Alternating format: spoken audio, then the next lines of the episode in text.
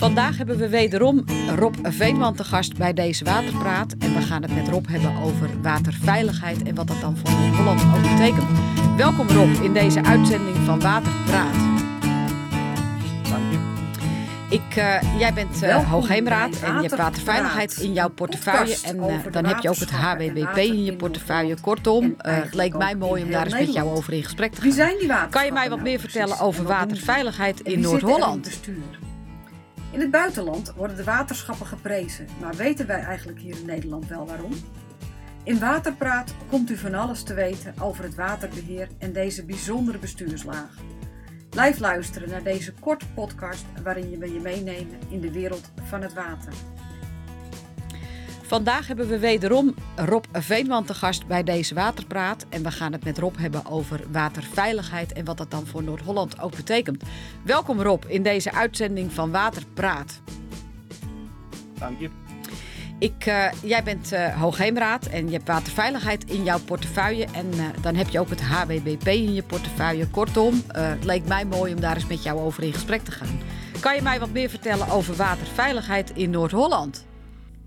Ik wil graag wat vertellen over de waterveiligheid in Noord-Holland. eh, want daar zijn we natuurlijk gewoon dagelijks druk mee bezig. Eh, en als we dat ook niet zouden doen, dan zou het voor de 1,2 miljoen mensen die in ons gebied wonen toch niet zo heel erg goed zijn.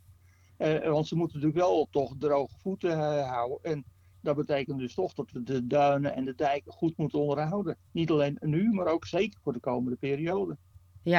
En eh, Rob, dan zeg je ook meteen komende periode. Eh, dan pak je denk ik ook meteen een beetje de kern van het waterschapswerk. Dat bedoel je niet over de komend jaar of over het volgend jaar, hè? Nee, wij kijken gewoon standaard eh, in de waterveiligheid 50 tot 100 jaar vooruit. De dijken, als we die opknappen, doen we dat met een periode, voor een periode van 50 jaar.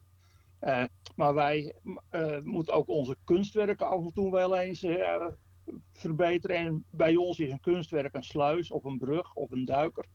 Eh, die zijn natuurlijk van beton eh, of, of van metaal. Eh, nou, die doe je toch over het algemeen niet voor een korte periode. Daar kijken we gewoon standaard 100 jaar vooruit. Dus als wij een sluis opknappen, doen wij dat voor 100 jaar. En je ziet natuurlijk dat de komende 100 jaar we wel degelijk een zeespiegelstijging, en toch wel een redelijke zeespiegelstijging verwachten. Dus daar kijken we heel nadrukkelijk ook eh, naar van, van wat moeten wij daarmee doen. Ja, en die zeespiegelstijging. Heb je enig idee, Rob, hoe, hoe hoog die wordt? Want ik hoor vaak dat dat de grote onbekende is. En dat vind ik altijd erg lastig te snappen. Maar heb jij enig idee hoe hoog die zeespiegelstijging gaat worden? Want wij zitten natuurlijk tenslotte al onder zeeniveau. Eh, hoe lang kunnen we blijven pompen om droge voeten te houden? Ja, nou ja, eh, wij zijn natuurlijk een waterschap. Eh, Wij voorspellen niet de zeespiegelstijging. Dat laten we graag over aan KNMI, aan de, aan de specialisten. En, je ziet dat eh, op dit moment het KNMI voorspelt voor 2100, dus over een kleine 80 jaar, een zeespiegelstijging van 80 tot 120 centimeter. Maar, zeggen ze erbij, dat is een berekening al van een paar jaar geleden, ze verwachten dat, dat de zeespiegel meer zal stijgen.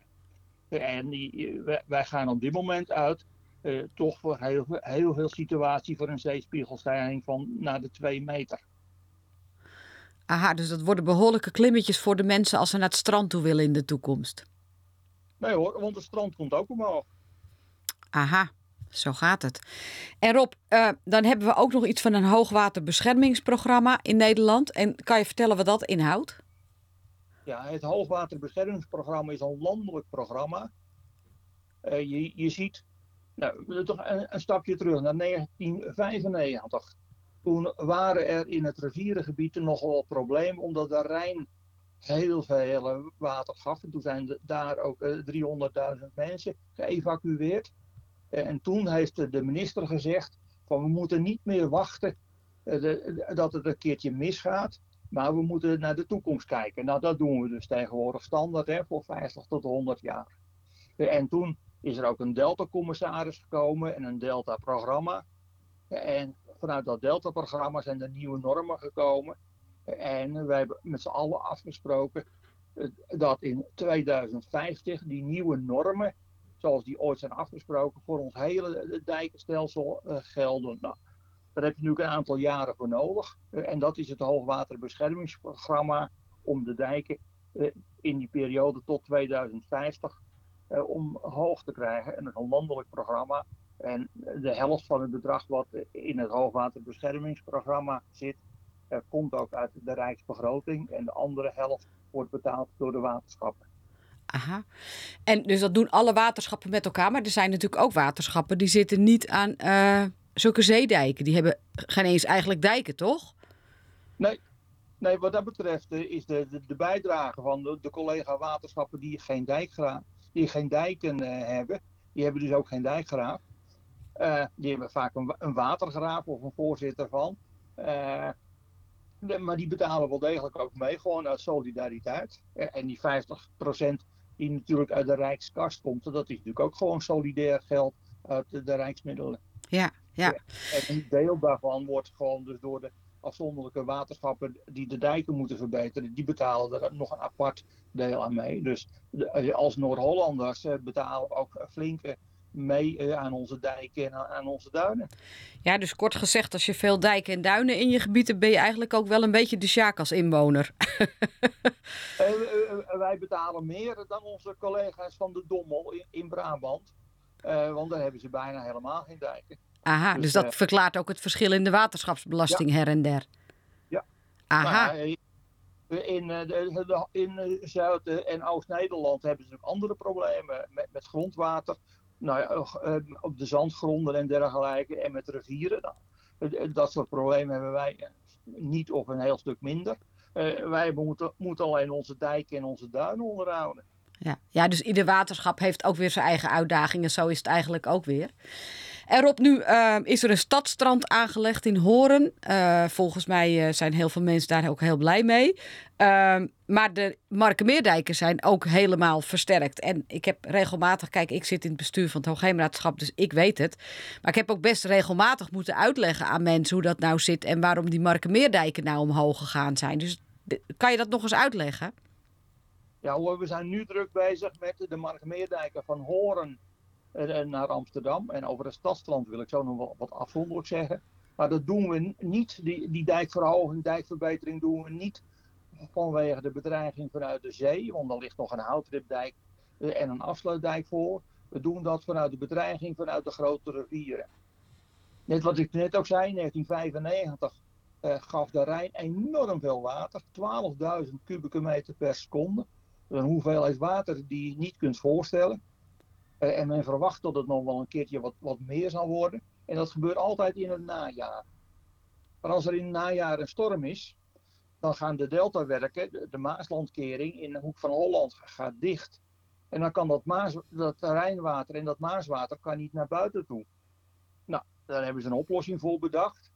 Uh, want ja, eh, Nederlanders zijn natuurlijk toch waterbouwers, dus dat soort problemen proberen we op te lossen. Nou, een deel gaat dan via het Haringvliet naar buiten toe. Eh, en voor een belangrijk deel komt dat via de IJssel in het IJsselmeer en in het Markenmeer. En dat betekent in die omstandigheden dat het IJsselmeer ongeveer 2 meter omhoog gaat en het Markenmeer anderhalve meter omhoog. En dan niet voor een paar uur, maar voor een, uh, een paar weken, voor vier, ongeveer vier weken. Uh, en dat betekent dat er vier weken heel veel water tegen die dijk aan staat. En dat betekent meestal niet dat die hoger hoeft te worden, want dat zijn natuurlijk oude zeedijken. Uh, maar ze moeten wel steviger worden. Want bij een zeedijk heb je eb en vloed. Zes uur hoog, zes uur laag. Uh, maar nu wordt het dus vier weken hoog. En daarom moeten die dijken steviger, breder worden. Nou, daar zijn we heel nadrukkelijk mee bezig. Ja, dus eigenlijk wat je nu doet, is eigenlijk ook echt werken voor wijze van spreken over acht of tien jaar dat het een keertje aan bod komt dat het zover is. Nee hoor, dat kan ook morgen. Aha. Uh, want ja, de natuur is af en toe wel eens grillig. Uh, de, de, Rijn geeft af en toe veel te weinig water, maar af en toe ook veel te veel. En dat kan ook gewoon uh, in het najaar gebeuren. Nou zeg je, in 1995 hadden we dat probleem ook. Nou, toen was er gelukkig geen noordwestenstorm. maar als die situatie zich nog een keertje voordoet en er is toevallig wel een noordwestenstorm, gebeurt altijd in het najaar, eh, dan moeten onze dijken van het IJsselmeer en het Markenmeer op hoogte zijn. Want anders hebben we toch echt wel een heel groot probleem. Ja, dus het is eigenlijk ook altijd, laat ik het zo zeggen, dat de waterschappen natuurlijk ook echt uh, aan het voorbereiden zijn op een optelsom van een aantal zaken om te voorkomen dat je dan eigenlijk achteraf te laat bent. Ja, en dat doen we natuurlijk gewoon toch wel kijken van uh, hoe groot is de kans. Nou, de kans is niet zo heel erg groot. Uh, maar je wil niet om de vijf jaar Noord-Holland onder water hebben staan. Nee. Dus eh, de, de, ook als de kans klein is, moeten we dat natuurlijk toch keurig netjes proberen te voorkomen. En, en, op dit moment is de norm waar wij moeten aan voldoen. Dus eens in de 3000 jaar mogen we problemen hebben. Maar liever niet morgen. Nee, ja, die normeringen, dat is ook nog wel wat. Dat is een uh, lastige materie, heb ik al gemerkt. En uh, dat is goed om dat misschien ook nog eens een keer uit te leggen. Maar dat gaan we op een later moment doen. Uh, want we proberen deze podcast erg kort te houden, zodat mensen gewoon snel eventjes bijgepraat worden en weer weten wat er speelt in het land van water, zeg maar. Rob, je zou nog iets vertellen over het stadstrand. Kan je dat nog kort toelichten? Ja. ja, je kunt een dijk steviger maken op heel veel verschillende manieren. En vooroever aanbrengen, een oeverdijk aanleggen, is daar best een hele aardige methode voor. Dus als je grond voor de dijk aanbrengt, dan komt dat water niet zo hard tegen die dijk aan. Hoeft die minder stevig te zijn. Nou, dat kunnen we doen met een stukje natuurontwikkeling. Een vooroever dus, en daar natuurontwikkeling op lossen. Dat doen wij ook. Dus we werken ook heel nadrukkelijk aan een stukje natuurontwikkeling eh, aan onze dijken. Maar je kunt het ook gewoon doen in een, in een vorm van een strand. Daardoor ligt eh, het, de dijk wat verder van het water af en hoeft die ook minder stevig te zijn. Dus de gemeente Horen en de inwoners van Horen blij met een stadstrand. Wij zijn blij, om, daardoor hoeven wij onze dijk minder sterk uh, te verbeteren. Oké okay, Rob, maar waarom wordt dat dan niet overal gedaan? Nou ja, overal een, een stadstrand aanleggen is... Eh, het kost natuurlijk wel degelijk wat, hè. Eh, het is duurder, deze oplossing, dan... De, de, de, wat simpeler oplossingen. Maar ik zeg, Horen heeft nu voor, voor een nog een redelijk bedrag uh, een stadstrand erbij. En wij hebben een, een redelijk stevige dijk. Dus we zijn er alle twee uh, voordelig van. Als ja, dat moet, het moet ook overal maar kunnen natuurlijk.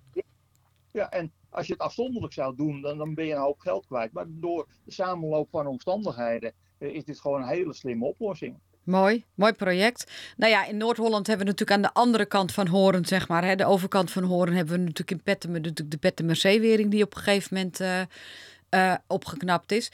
Kortom, ja. er valt op het gebied van waterveiligheid voldoende te zien uh, in Noord-Holland. Rob, ik wil je danken voor deze uitleg over het waterveiligheid en het hoogwaterbeschermingsprogramma. En ik wil je danken voor het deelnemen aan deze podcast en de tijd die je daarvoor uitgetrokken hebt. En dan wens ik je verder een hele fijne dag. Hetzelfde. Dankjewel. Dag. Dag.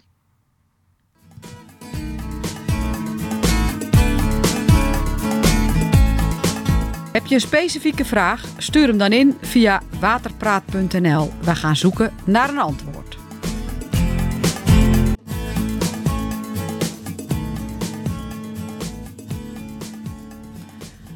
Leuk dat je luisterde naar de Waterpraat podcast met daarin alles over water en de waterschappen. Deze podcast wordt mogelijk gemaakt door waterplatform Groen Water en Land. Wil je meer horen? Ga dan naar waterpraat.nl, waar steeds meer podcasts bij komen. Of zoek ons op op Spotify.